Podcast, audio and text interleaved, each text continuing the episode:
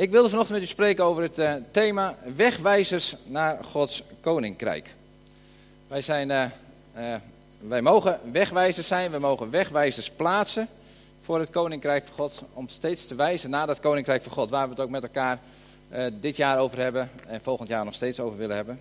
En dat in, in, in verhouding ook met het thema wat we hebben, ambassadeurs van Gods koninkrijk. Dat heeft alles met elkaar te maken. En nu ziet u daar ook een tafel staan en als u goed kijkt ziet u daar ook een een pijl op staan met kaarsjes. En daar gaan we straks ook iets mee doen. Dus het is niet zo dat u alleen maar stil hoeft te zitten en te luisteren. Maar als reactie op het verhaal mag u straks ook iets doen. Dus hoeft niet heel veel te doen, maar dan weet u ook wat daar klaar staat. En voor ik begin wil ik graag een, verhaal vertellen eh, als, als, als voorbeeld om daar iets aan, aan op te hangen. Eh, ik weet niet of u het weet, maar ik, ik vind het wel heerlijk om af en toe eens even lekker te gaan hardlopen. Misschien zijn er wel meer hardlopers of sporters, maar ik vind het lekker om af en toe eens even heerlijk buiten drachten te gaan hardlopen. Dat doe ik één, soms twee keer per week. Om er even flink er tegenaan te gaan en uh, flink te zweten. En vooral een beetje buiten drachten vind, ik mooi, want de natuur is daar mooi en dan hoef je niet door de stad te lopen. En dan geniet je ondertussen van de natuur en dan ga je ook nog even lekker een lichaamsbeweging uh, doen. Maar soms, dan valt het me ook wel eens een beetje tegen moet ik zeggen. Dan geniet ik wel van het mooie weer, maar dan... Uh, ja, dan, dan, dan, dan is het zwaar. Dan eh, is er regen, of er is onweer, of er is slecht weer, of je hebt last van je spieren. En dan voel ik me wel eens zoals dit poppetje. Dat ik me denk van, pff, wat is het zwaar en wat is het mooi. En waar ben ik ooit aan begonnen? Wat zijn dit voor dwaze hobby's? Je kan tegenwoordig ook met de wie kun je ook allemaal net doen of je sport. En dat is misschien ook veel, veel leuker. Dus op een gegeven moment dan denk ik, nou, waar, waar, waar ben ik mee bezig? Vooral als je dan wat zware benen hebt en het wil allemaal niet zo goed. Nou, dan, dan, dan, dan, dan, nou, dan, dan voelt dat beroerd. En soms zijn we op vakantie en dan wil ik daar ook nog wel eens een hard lopen. En dan denk ik, en dan loop ik daar langs zo en zo. En bij de, die derde boom rechts en zo. En dan wil het allemaal wat. En dan heb ik ongeveer ook de afstand die ik ongeveer lopen wil. En dan loop ik en dan gaat het heel goed in het begin. En ik geniet van de mooie natuur. En dan halverwege, dan denk ik, waar is die derde boom nou? En hoe zit het nou? En waar ben ik nou eigenlijk? En dan ben ik, is het wel, wel eens gebeurd dat ik eigenlijk de weg kwijt was. Dat ik wel ongeveer wist waar ik was. Dat ik geen idee meer had hoe lang het ongeveer nog moest. Misschien herkent u dat ook wel. Als u iets aan het sporten bent of iets anders, dat je de weg kwijt bent. Hoe ver moet het nou? Waar is nou de finish? Hoe zit het nou? En dan is het dan heerlijk als je onderweg zo'n wegwijzer tegenkomt. Zo'n bordje tegenkomt die zegt nou, daar moet je naartoe. En als dan niet nog daar 10 kilometer op staat, maar dat daar dan nog staat nog anderhalve kilometer of zo. Dat is dan nog wel te doen. En dan kun je nog zo moe zijn, nog zo zere benen hebben. Uh, maar als je weet van, ik zit op de goede weg, dat geeft je weer eigenlijk weer extra energie om weer te, door te gaan. En als je dan door die ene bocht gaat en je ziet uiteindelijk dit, ja, dan is natuurlijk helemaal mooi. Dan zie je de finish en dan denk je, wauw. En dan kun je nog wel zoveel last hebben van je spieren en nog zo moe zijn en balen misschien dat je ergens aan begonnen bent. Maar dat geeft een nieuwe energie om uiteindelijk door te gaan en het uiteindelijk te halen. En het is natuurlijk nog helemaal mooier als er allemaal mensen staan aan het eind. Dat is niet elke week bij mij zo, maar af en toe staan er mensen en die juichen je toe en zeggen: Wauw, nog een klein stukje, het lukt. En je krijgt daar nog wat moois bij, of weet ik wat allemaal. Want dat geeft, dat geeft hoop, dat geeft weer perspectief. Dit voorbeeld gebruik ik een beetje om ook, ook, ook iets weer te geven. In de zin van als je verder vooruit kunt kijken, als je het hele plaatje ziet, dat geeft je energie. Dat kan je kracht geven, dat geeft je weer nieuwe uh, power om weer uiteindelijk weer, weer door te gaan. Die wegwijzers die helpen je om in de goede richting te wandelen.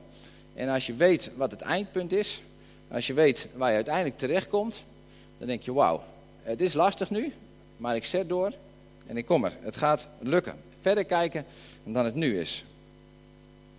Nou, nou ben ik hier niet gekomen om een heel verhaal over hardlopen te vertellen, dus ik wil de, de, de, de link maken naar, naar het gewone leven, naar ons alledaagse leven. Naar het leven op deze wereld. En het leven op deze wereld is eigenlijk ook, ook wel heel mooi. Nee, misschien kent u het liedje van Samson en Gert, van uw kinderen of misschien uw kleinkinderen. De wereld is mooi, zo mooi, zo mooi. Misschien kunnen we hem straks nog zingen. Maar uh, hij staat niet in opwekking. Maar hij is wel heel mooi. De wereld is mooi, want de wereld is heel mooi. De wereld is mooi geschapen. En zeker nu ook met dit geweldige weer kunnen we genieten van de natuur.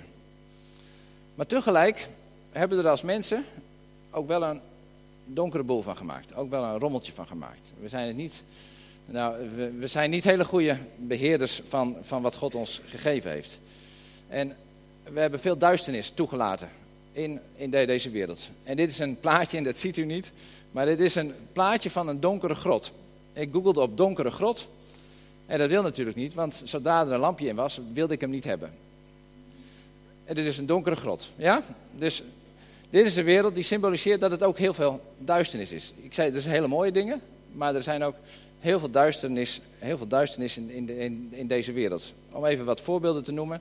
En u kunt die voorbeelden ook heel makkelijk zelf uh, bedenken en uh, zien. Dat is bijvoorbeeld de aanslag die geweest is in Brussel. Het hele gebeuren van IS, aanslagen van over de hele wereld. Dit is het bekende plaatje van, van die uh, stewardess die voor de eerste bom wel, tenminste ge geen schade had aan haarzelf. En toen liep ze weg en toen liep ze net naar die tweede bom toe en die ontplofte. En ik las gisteren een stukje in de krant dat ze nu uit het ziekenhuis is gekomen en teruggaat naar India. Ze is God dankbaar dat ze het overleefd heeft. Nou, de aanslagen van IS. De wereld wordt er niet mooi op. Vreselijk. En dit zijn al de vluchtelingen die er zijn, de vluchtelingen die over deze hele wereld zijn. Er is heel veel verdriet en heel veel duisternis in deze hele mooie wereld terechtgekomen. Nu worden zelfs ziekenhuizen in Aleppo worden bestookt met bommen.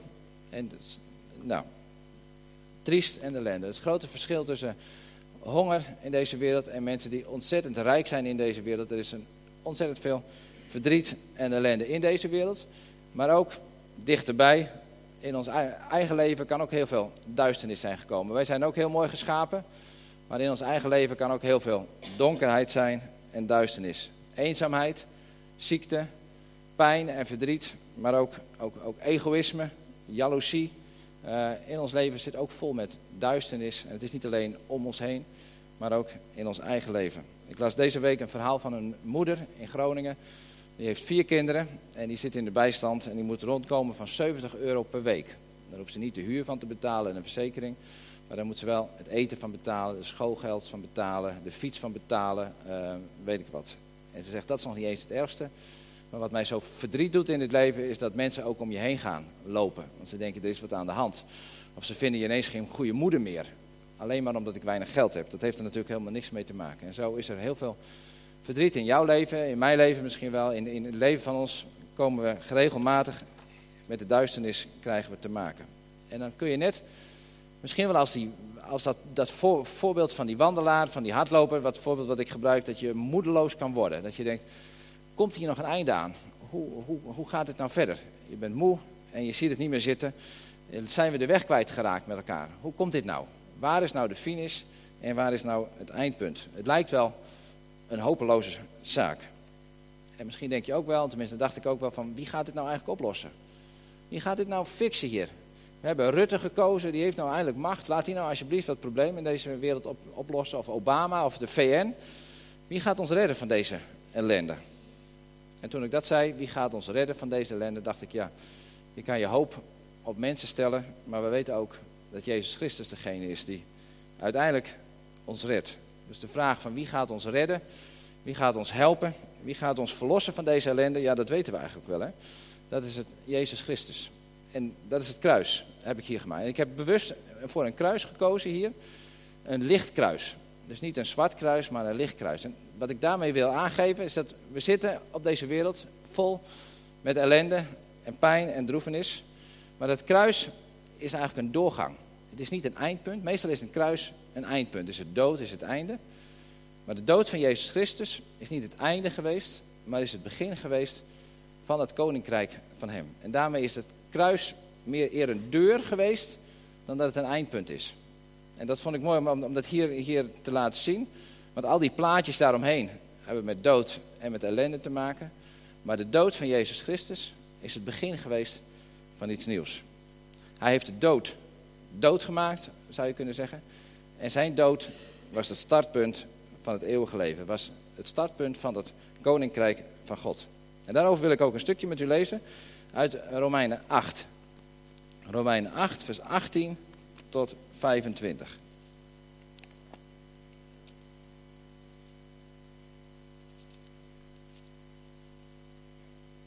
Dan schrijft Paulus heel veel over het leven door de geest. Het hele hoofdstuk is interessant, maar ook best uh, lastig en ook best heel veel. Dus ik haal er een klein stukje uit.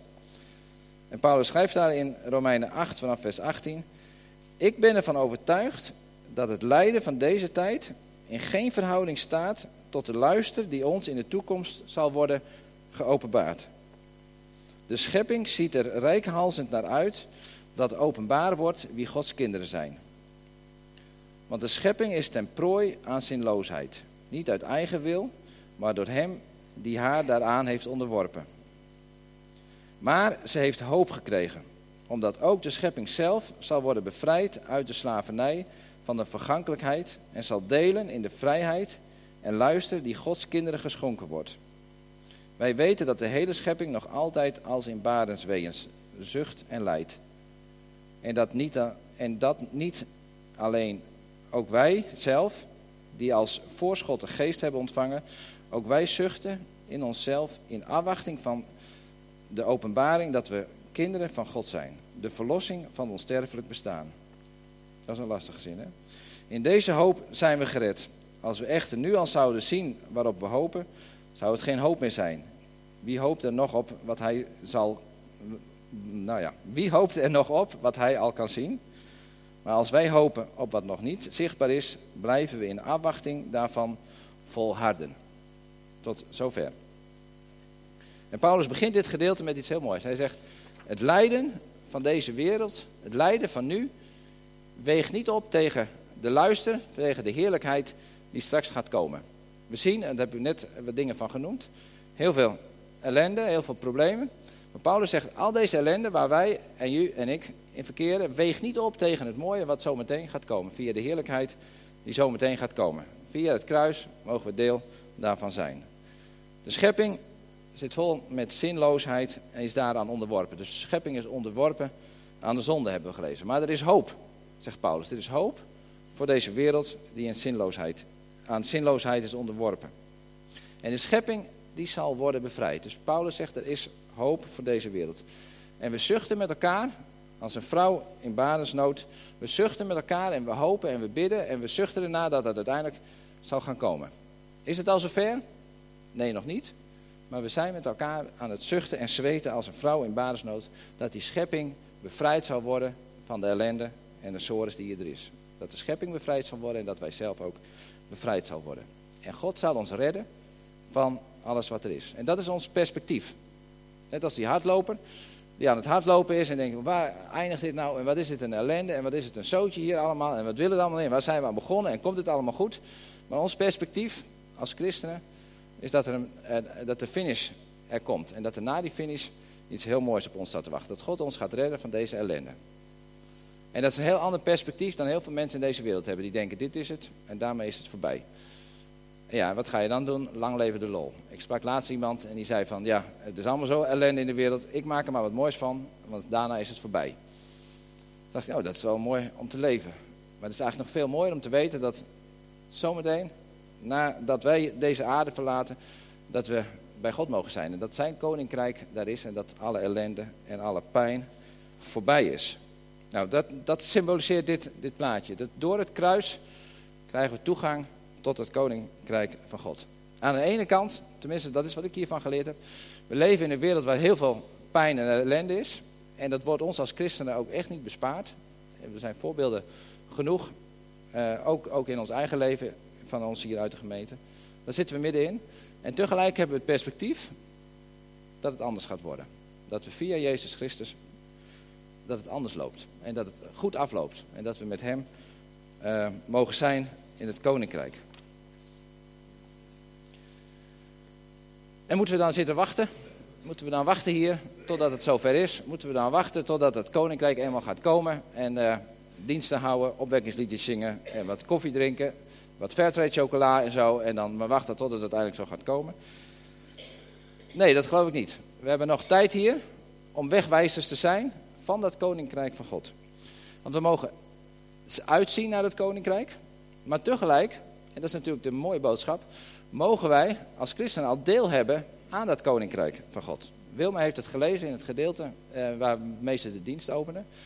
God heeft ons overgebracht van die duisternis en toegang gegeven tot het licht. We mogen in het licht, in het koninkrijk van God mogen we zijn. We zijn als het ware, hebben we een dubbele nationaliteit. En de nationaliteit van Nederland en de nationaliteit van het koninkrijk van God.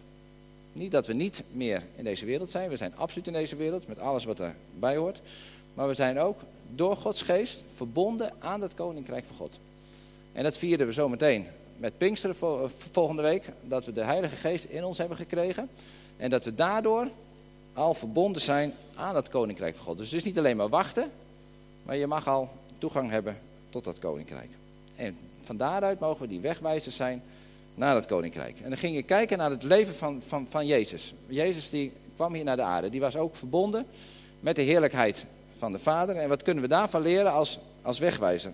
Want ik dacht, als Jezus puur was gekomen om ons te redden van de zonde, en dat is natuurlijk een beetje mijn eigen invulling, mijn eigen theologie, dan had hij gewoon op zijn 33ste kunnen komen, op de woensdag voor Goede Vrijdag. Dan was hij gestorven en dan was hij met paas weer opgestaan en met hemelvaart weer weggegaan. En dan had hij de klus geklaard, om het maar even zo te zeggen. Dan had hij de toegang gemaakt tot het koninkrijk van God en dan hadden we in de hemel straks kunnen zijn nadat we hier waren geweest. Maar dat was niet zo. Jezus is hier een heel leven geweest en drie jaar lang heeft hij met zijn leerlingen gesproken, steeds weer over dat koninkrijk van God. Hij sprak over het koninkrijk van God. In gelijkenissen ging hij steeds over het koninkrijk van God vertellen. Want dat was waar hij ons naar verwees, waar hij steeds weer over sprak om ons daarop te wijzen. Hij sprak er niet alleen over, maar hij handelde er ook naar. Want in het koninkrijk van God is iedereen gelijk. En Jezus sprak met de heersers, Jezus sprak met de hoeren, met de tollenaren, met de belastingoplichters. Hij sprak met alle mensen. Hij handelde naar hetgene hij, uh, wat hij, waar hij over sprak in het koninkrijk van God. En hij liet zien dat het koninkrijk van God niet iets alleen is voor straks, maar dat het koninkrijk ook nu al om zich heen uh, facetten laat zien van het koninkrijk. Het koninkrijk is nog niet in zijn geheel hier aanwezig, maar steeds kleine stukjes van het koninkrijk liet hij zien. En onder andere door wonderen en tekenen. Jezus heeft mensen genezen, mensen die ziek waren, mensen die dood waren. En uiteindelijk heeft hij zelf laten zien dat hij uh, de zoon van God is en dat hij sterker is en dat hij de dood heeft overwonnen, want hij is opgestaan uit de dood. En ik moest denken, eigenlijk is het een soort, soort trailer. Als je een, een, nieuwe film hebt, dan, dan is die film gemaakt en voor die tijd zie je dan soms van die kleine stukjes van die film als een soort trailer. En eigenlijk zou je dat kunnen zien als het koninkrijk van God, wat straks gaat komen, wat straks in zijn volheid gaat komen. En nu krijg je kleine stukjes te zien van het koninkrijk, wat eigenlijk wegwijzers zijn naar het koninkrijk. Om als bewijzen dat het straks ook echt gaat komen. Dat we niet iets geloven van, nou ja, straks als we dood zijn, dan gebeurt het pas. Maar dat we nu al bewijzen mogen zien van het koninkrijk. Dat we erover mogen spreken en dat we dat mogen uitleven. En zo was het met Jezus ook. Jezus zijn hele leven was steeds een bewijs, steeds een wegwijzer naar het koninkrijk van God. En heeft iedereen dat dan het evangelie gehoord toen Jezus uiteindelijk naar de hemel ging op hemelvaartsdag? Nee, ja, dat was ook een dag op hemelvaart. Nee, dat was niet zo. Hij heeft het aan heel veel mensen verteld. Heeft hij iedereen genezen? Nee, ook niet. Er waren nog veel mensen die ziek waren, die doodgingen, die pijn hadden en die in de ellende waren. Maar steeds heeft Jezus laten zien, door zijn genezingen heen, van het koninkrijk is echt. We geloven niet iets in wat fictie is, maar ik kan je laten zien dat die kracht van God echt is. En zo mogen wij, door die Heilige Geest, door de Heilige Geest in ons, net als Jezus, de wegwijzers zijn van het Koninkrijk van God. Mogen we het laten zien aan mensen om ons heen. Dus eigenlijk zijn we dan in die donkere wereld, dan heb ik dit plaatje, heb ik er een, een, een lampje bij gedaan. Mogen we in deze donkere wereld steeds die wegwijzer zijn, een lichtgevende wegwijzer van dat Koninkrijk van God. En Jezus roept ons daar ook toe op. Jezus zegt, jullie zijn het licht van de wereld. Wij zijn het licht in deze wereld en wij mogen het licht verspreiden in een wereld waar het nog heel donker is. En in de Filipijnse brief staat dat we als christenen de, als sterren zijn in de donkere hemel. Dat in, de, in, de, in, in de nacht, in de duisternis. En zo mogen we het licht in deze donkere wereld van God laten zien. En dat doen we op verschillende manieren. Ja, Willem heeft dat uh, vorige week ook genoemd, de kracht van, uh, van Gods Heilige Geest.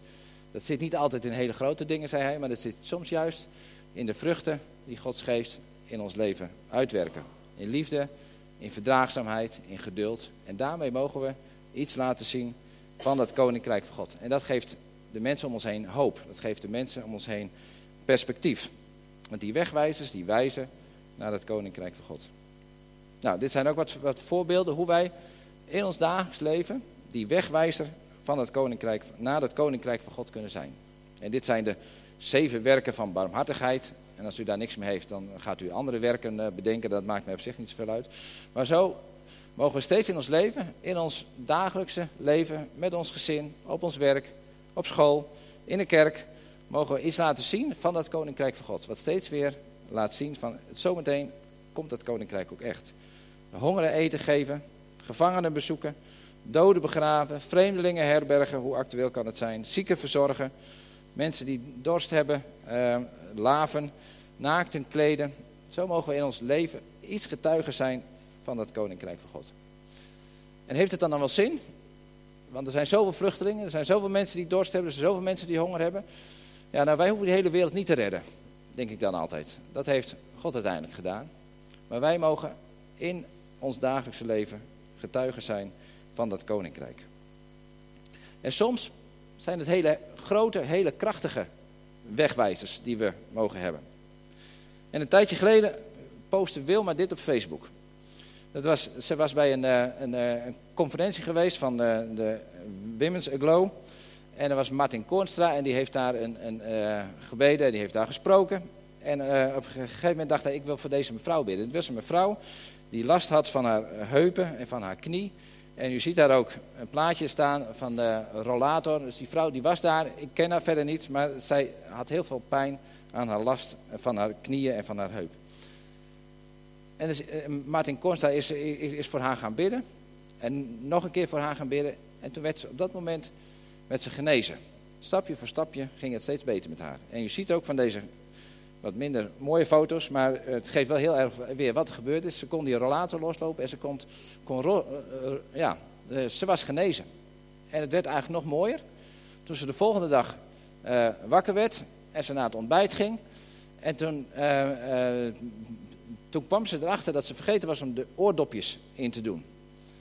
Want God had daar ook genezen van het gehoor. Dus ze kon ook weer horen. Dus er was een heel groot wonder gebeurd. En Wilma had dat op Facebook gezet, of Martin had dat ge gedaan. En Wil, Wilma, jij hebt dat geliked of gedeeld in ieder geval. En toen zag ik dat ook. En dacht ik, wauw. Nou, eigenlijk dacht ik, twee dingen. Dit is mooi. En hmm, wat moet ik hiermee? Waarom? Ik ken deze mevrouw helemaal niet. Maar ik ken wel mensen eh, die ik dit eigenlijk ook wel gun. Ik gun het deze vrouw van harte. Ik ken haar niet, maar ik gun het u, mensen hier en mensen die ik ken. Ik ken iemand die is tot zover verlamd. Die zit in een rolstoel. Heeft iemand willen helpen met appels plukken. Die viel van de trap. En is nu altijd aan haar rolstoel gekluisterd. Die gun ik dat ook. Dus dacht ik, ja, wauw, ik ben blij voor iemand. En tegelijk denk ik, ja, moet dit nou zo groot op Facebook? Moet, dat doet alleen maar pijn aan mensen die dit niet hebben. Dus daar worstelde ik wel mee. Vond ik moeilijk. Van, zal ik dit nou ook delen op mijn eigen tijdlijn, zodat anderen dat ook zien? Dat heb ik uiteindelijk niet gedaan, omdat ik daar ook wel een beetje mee aan, mee, aan het worstelen was. En tegelijk was ik ook met dit, dit thema bezig. Want dit, dit gebeurde, dat is misschien ook wel mooi om te vertellen, precies in diezelfde week waar die bomaanslag was in Brussel. Toen dacht ik, waar moet dit heen? Hoe kan dit nou? We hebben vier kinderen, hoe gaat dit nou straks met, met deze wereld? Dus daar was ik best wel somber over. En toen komt dit. En aan het eind van die week was het Goede Vrijdag toen ik erachter kwam, ja, de ellende van deze wereld, God lost het uiteindelijk ook wel weer op. Of hij lost het uiteindelijk op. Hij geeft de, de redding. Toen was ik met dit thema bezig en dacht ik, ja, maar we leven in een wereld wat gebroken is. We leven in een wereld, daar staan we middenin. En wij christenen hebben daar alles mee te maken. Ook wij hadden in Brussel kunnen staan en er was ons ook iets heel ergs misschien wel overkomen. Wij worden ook ziek. We hebben ook pijn en moeite en grote problemen soms in ons leven. En tegelijk, en daar werd ik dan wel weer enthousiast over toen ik dit zag, laat God zien, op het, soms in onze ogen willekeurige plekken, laat Hij zien dat het koninkrijk van God echt is. Dat we niet geloven in iets wat we zelf bedacht hebben, maar laat Hij tekenen van het koninkrijk zien. Net zoals bij deze vrouw. Laat Hij zien dat Zijn kracht sterker is. En dat Hij de dood heeft overwonnen. Dat Hij straks, wanneer het, uh, het, het, de, de, uh, het koninkrijk in al zijn glorie komt, laat hij nu zien, is dit het bewijs dat hij echt gaat afrekenen met alle sores en met alle ellende waar u en ik ook in leven. Dus kon ik hier ook wel weer blij mee zijn. Ondanks het feit dat ik ook niet snap waarom de een wel en de ander niet. Maar dat zijn tekenen van het koninkrijk. En die tekenen van het koninkrijk zijn soms heel groot en heel krachtig. En wat mij betreft mag dat wel veel vaker gebeuren. Dat gun ik iedereen. En tegelijk zijn andere tekenen, zijn de wegwijzers van het koninkrijk ook als ik omzie naar mijn buurman in nood en ik help hem met een ladder omdat hij de trap niet op kan of zo. Of ik geef uh, geld aan, aan, een goed doel. Dat zijn allemaal tekenen, wegwijzers van het koninkrijk, wat hoop gaat geven en wat we hoop, waarvan ik hoop dat het hoop geeft aan deze wereld. Van het is niet voorbij hier. Het eindigt niet als we hier doodgaan, maar het gaat door en het koninkrijk van God gaat komen. En dat is niet alleen in deze wereld, maar dat is ook in u en in mijn leven. In mij, ik, ik zei in het begin al, die duisternis is niet alleen om ons heen, maar die duisternis is ook in mijn leven. En ik denk ook in uw leven. Daar is ook soms jaloezie en er is ook pijn en ook ellende. En God wil herstel gaan geven. En het betekent dan dat wij als christenen, als we straks sterven, of als we straks naar de hemel gaan, maar zo te zeggen, dat we dan allemaal volmaakte mensen zijn en dat ons niks meer mankeert. Nee, dat is niet zo. Paulus schrijft, we zitten in een wereld waar ellende is. Maar tegelijk wil God herstel geven. Op dat plekje in mijn leven, op dat plekje in mijn leven. En niet op dat plekje misschien, maar wel op een andere plek. En zo geeft God herstel als teken dat zijn koninkrijk echt gaat komen. En dat het straks in al zijn grootheid gaat komen. Paulus was in een gevangenis. En Paulus, als iemand fel was en groot was voor het koninkrijk van God, was hij het wel. Maar ook hij had met ellende te maken, omdat hij in de gevangenis zat. En Petrus, die stierf zelfs aan het kruis, omgekeerd. En ook hij was een groot getuige van het koninkrijk van God. Dus de ellende en het herstel gaan hand in hand, denk ik dan. En zo mogen wij ambassadeurs zijn in dat koninkrijk. Als, als wegwijzers, als van die lichtgevende wegwijzers van daar is het koninkrijk. Beste mensen, als je de weg kwijt bent in je leven, als we de weg kwijt zijn in deze wereld, dan mogen we doorwijzen naar het koninkrijk van God. En wat je daar ook ziet daar rechts, dat is een olielampje. Het, de, uh, de Heilige Geest wordt vaak uitgebeeld als, als, als, door olie. En, en daarom heb ik daar, daar bewust voor gekozen. Want het is Gods geest die ons de kracht geeft om licht te kunnen geven. Het gaat niet vanuit onszelf, maar het is de Heilige Geest die maakt dat we licht mogen zijn. En zo zijn we als christenen met elkaar. En dit plaatje kreeg ik zo voor ogen toen. Allerlei, allemaal lampjes. Zijn we eigenlijk allemaal richtingaanwijzers die wijzen naar het kruis van Jezus Christus, naar zijn opstanding, naar het koninkrijk wat gaat komen en waar we nu al deel van mogen zijn. En ik ben een klein lampje en u bent een klein lampje en ik zet daar een klein lampje neer als ik iets doe voor iemand om me heen. Ik ben een klein lampje en u bent een klein lampje als u iets doet voor, uh, als u een kaartje stuurt naar iemand die ziek is. U bent een klein lampje als u bidt voor iemand anders die ziek is. En zo zijn we allemaal kleine lampjes en dan maken we een spoor. En dat spoor wijst langzamerhand richting dat kruis. En zo mogen we als gemeente, en zo mogen we als christenen, wereldwijd, hier in Drachten, steeds een spoor zijn in deze donkere wereld voor mensen die op zoek zijn naar de, de way out. Hoe komen we hier ooit uit? En misschien is het kruis wel heel erg zichtbaar, maar misschien is het voor heel veel mensen nog helemaal niet zichtbaar. Misschien wel helemaal niet zichtbaar. Hebben ze nog helemaal niks met het kruis, maar zien ze wel die lampjes die wij aansteken, de dingen die wij doen, als tekenen van dat koninkrijk. En zo hoop ik dat we als gemeente hier in Drachten, maar dat u op uw werk en ik op mijn werk en voor de buurt en voor de familie, dat we iets van het licht van Christus mogen verspreiden. Als hoop voor deze wereld, als hoop voor die mensen, dat God herstel gaat brengen. En dat hij straks in al zijn grootheid, in al zijn glorie gaat komen. En het koninkrijk helemaal gaat vestigen op deze wereld waar geen pijn en geen verdriet meer is. Waar geen traan meer zal zijn. En dat de hele wereld verlost is van alle ellende die ons soms zo zo dwars zit. En die ons zo in de weg zit en waar we zoveel pijn en verdriet van hebben. En zo mogen we een richting aanwijzen zijn voor elkaar, maar ook voor de mensen om ons heen. En toen heb ik hier een tafel neer, neergezet. En als je goed kijkt, dan zie je dat ik daar een pijl op gemaakt heb. Ik zeg het maar even, maar je ziet dat het een pijl is. En die pijl die wijst zo naar het kruis. Dus het lijkt een beetje op dit plaatje wat ik hier heb uh, gemaakt. En ik zou u straks willen vragen, ik wil zo afsluiten met gebed en dan gaan we, zingen, uh, gaan we liederen zingen met elkaar. Als jij zegt van ja, dat wil ik ook zijn, ik wil ook zo'n licht zijn in de wereld, om dat uit te beelden met elkaar. Dus ik wil je vragen, eh, voel je niet verplicht, maar voel je vrij om naar voren te gaan, om een vaccinelichtje te pakken en zeg je oké, ik wil zo'n lichtje zijn. En dat we dat in die pijl zetten en dat we dan daarmee uitbeelden, dat we als gemeente een richting aanwijzen willen zijn, richting het kruis, richting degene die ons verlost van alle sores waar ik het net met elkaar over heb gehad. Om het op die manier met elkaar uit te beelden. En niet alleen te horen, maar ook daar een stukje actie te hebben. Dus ik wil u uitnodigen om straks, tijdens de liederen te doen. Sluiten we dan af met een open gebed. En dan komen de kinderen ook weer terug. Maar laten we eerst met elkaar gaan bidden.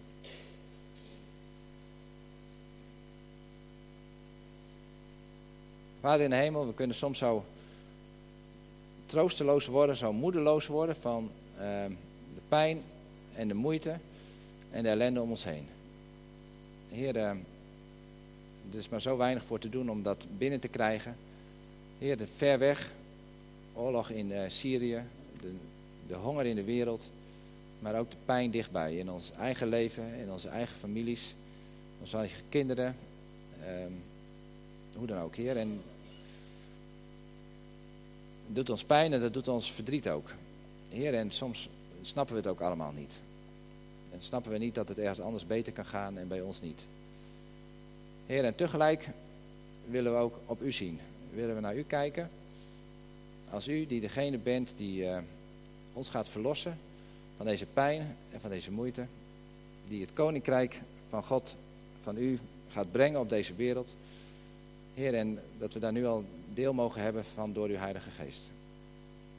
Heer, en ik wil bidden dat u uw geest zo in ons stort. Dat uw geest zo uh, in ons is dat we ook al steeds meer proeven van uw koninkrijk.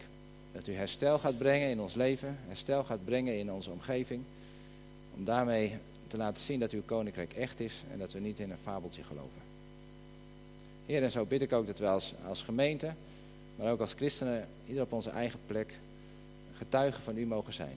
Een wegwijzer van u mogen zijn om te wijzen naar uw koninkrijk. En dan bid ik ook, Heer, dat dat, dat met kracht zal zijn. Heer, niet omdat wij goed zijn, omdat wij zo geweldig zijn, maar dat het juist door uw geest is. Dat er dingen in beweging zal komen, dat er soms een groot vuur zal zijn, dat er een krachtige wegwijzer zal zijn, zodat mensen tot geloof komen en dat mensen zien dat u degene bent die ons verlost.